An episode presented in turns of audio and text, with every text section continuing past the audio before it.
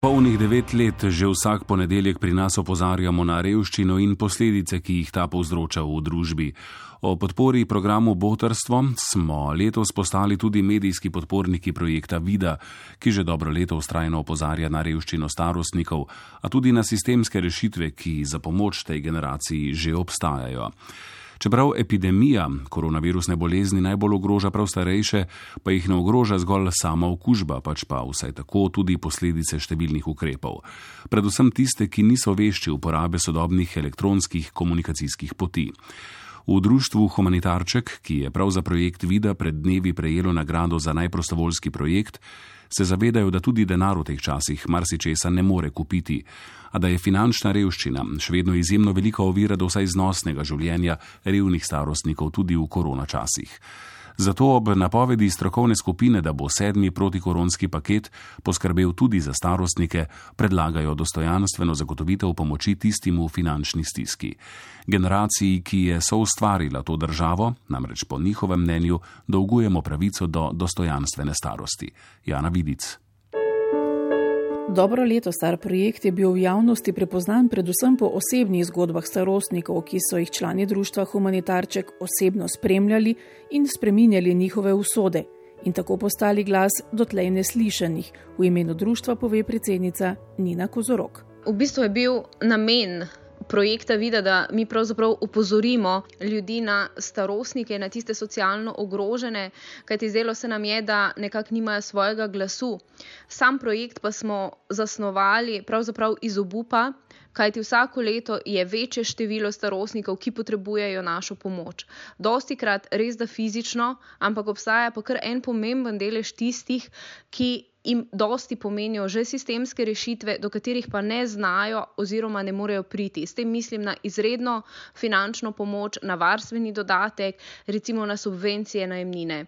In to je bil eden od pomembnih. Delov našega projekta, kajti nekako smo si želeli, da bi znali vse ljudi naučiti, kako pomagajo svojim starostnikom v svoji okolici do teh rešitev. Za tiste, vešče uporabe spleta in njegovih pridobitev, je sicer dostopnost do pomoči lažja kot kadarkoli prej.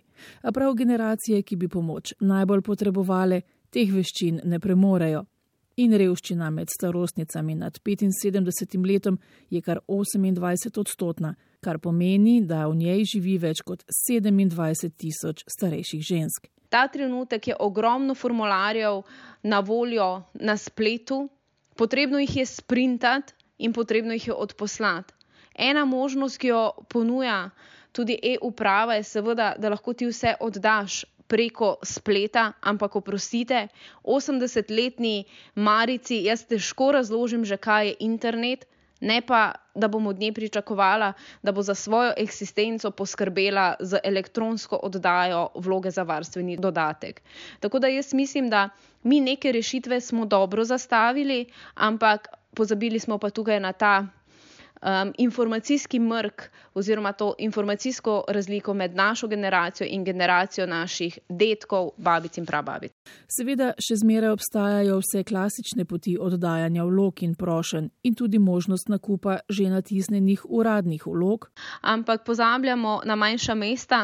Jaz vedno rada dajem za primer Ruše, gospod iz Ruš, ki enostavno se more po ta formular odpeljati v Maribor, kajti preverjeno ga ni v nobeni manjši knjigarni v tem okolišu. Zdaj vemo, da so dejansko knjigarne zaprte, kar pomeni, da v tem času, ki je najranljivejši, ko ljudje najbolj potrebujejo sredstva, je tehnično nemogoče eni 80-letni miciki priti do tega formularja.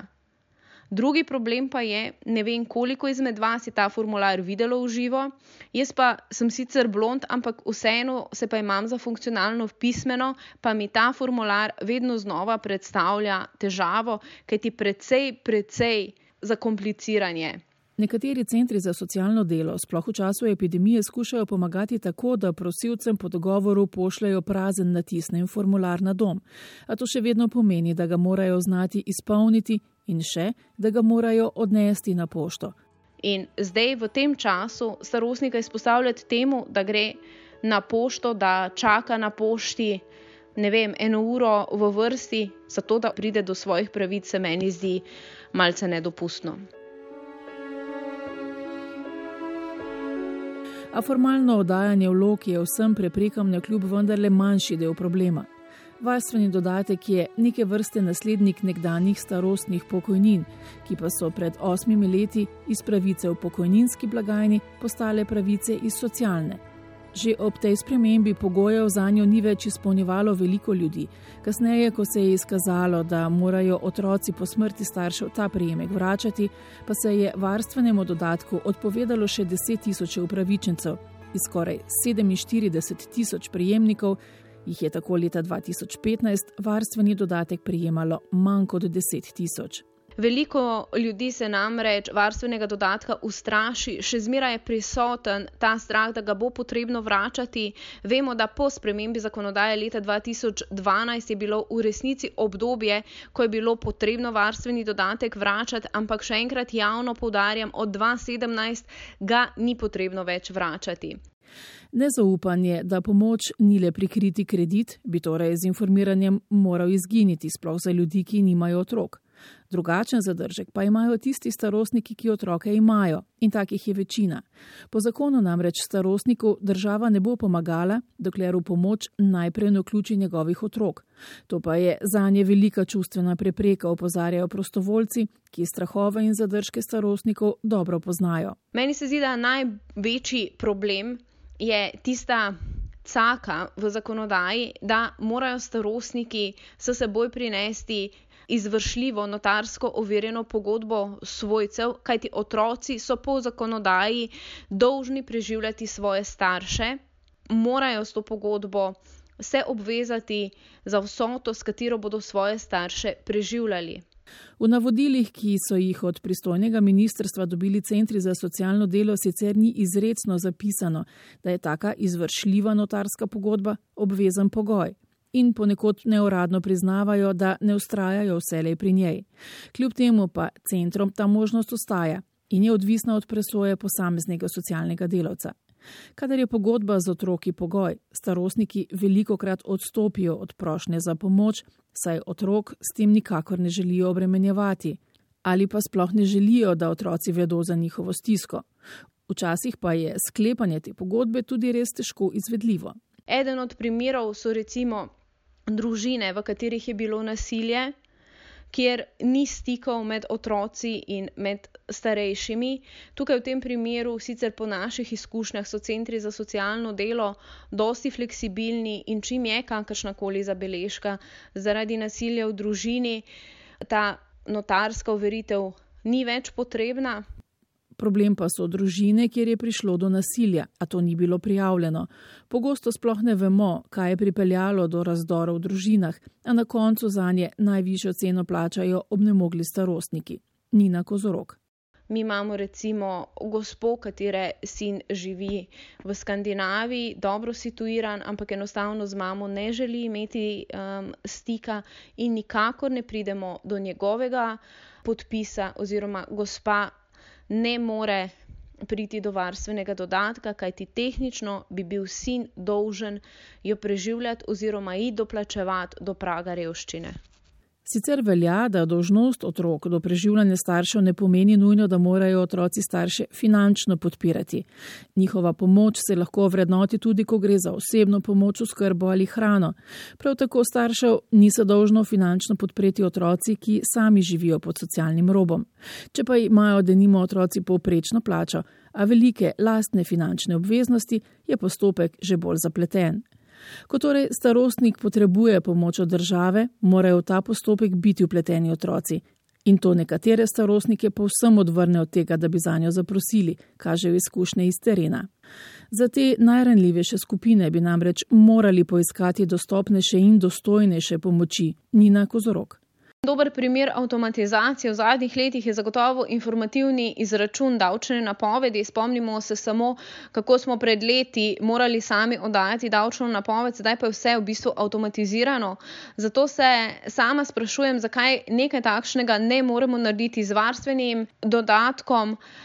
Kajti vendarle je to najranljivejša skupina, to je skupina ljudi, ki so v bistvu odrezani od teh informacijskih rešitev. In pravzaprav jaz mislim, da je to odgovor oziroma rešitev, s katero bi bistveno pripomogli k zmanjšanju revščine med starostniki. Avtomatizacija varstvenega dodatka bi bila velik korak k zmanjšanju revščine. Kako jo izpeljati, humanitarčki prepuščajo stroki.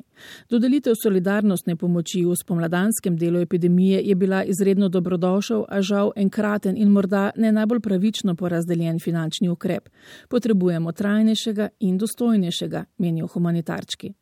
Morda bi lahko po vzoru informativnega izračuna za dohodninske napovedi starostnike obvestili, katere pravice jim glede na višino dohodka pripadajo in jih v primeru, ko ne vložijo ugovora, šteli kot prejemnike takih pravic, ne le varstvenega dodatka. Tukaj ne bomo omenila samo varstvenega dodatka, ampak tudi tisto, kar dosti krat starostniki ne vedo, da jim pripada, to je subvencija do najemnin, to je subvencija dopolnilnega zavarovanja. Zato mi za sedmi protikoronski paket predlagamo, da se za začetek vsaj avtomatizira pravica do varstvenega dodatka za tiste najranljivejše, potem pa začnemo ponovno razmišljati, da bi uvedli bodi si starostno pokojnino za vse državljane, kajti utopično je pravzaprav pričakovati, da bo nekdo pri 80 letih preživel s pokojnino 200 evrov. Kako si bo ta človek pri teh letih prislužil kakšen evro več. Sej pa vendarle ne moremo dopustiti, da bi bili v naši državi v 21. stoletju ljudje tako zelo na robu. In ena od rešitev je zagotovo, kot sem rekla, nehamo z birokratizacijo in se začnemo ukvarjati z ljudmi po bolj človeški plati. Avtomatizacija varstvenega dodatka um, brez nekega brezpotrebnega dramatiziranja za te ljudi pravzaprav pomeni razliko med zaspat lačen ali pa zaspat bolj ali manj sit. Za marsikoga je to razlika med, ne vem, ždet v mrzlem stanovanju ali pa imeti možnost vklopljenega kaloriferja.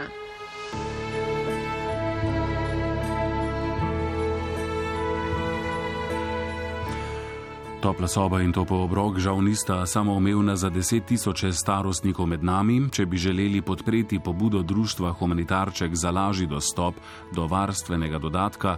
Na spletni strani tega društva najdete povezavo, na kateri lahko pobudi dodate svoj podpis. Na spletni strani projekt vida.org so poleg te pobude in informacij o možni pomoči pripeti tudi obrazci do vlog.